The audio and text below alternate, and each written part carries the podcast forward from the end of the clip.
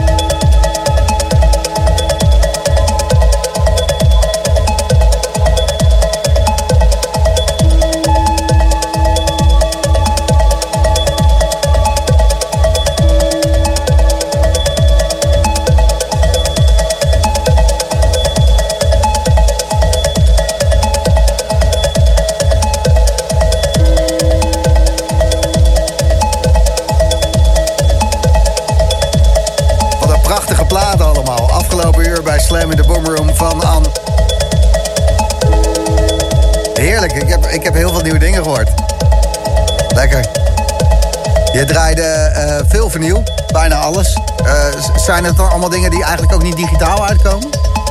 Ehm, ja, misschien ook wel hoor. Maar als een plaat echt heel erg goed is, dan wil ik hem heel graag op eh vinyl hebben.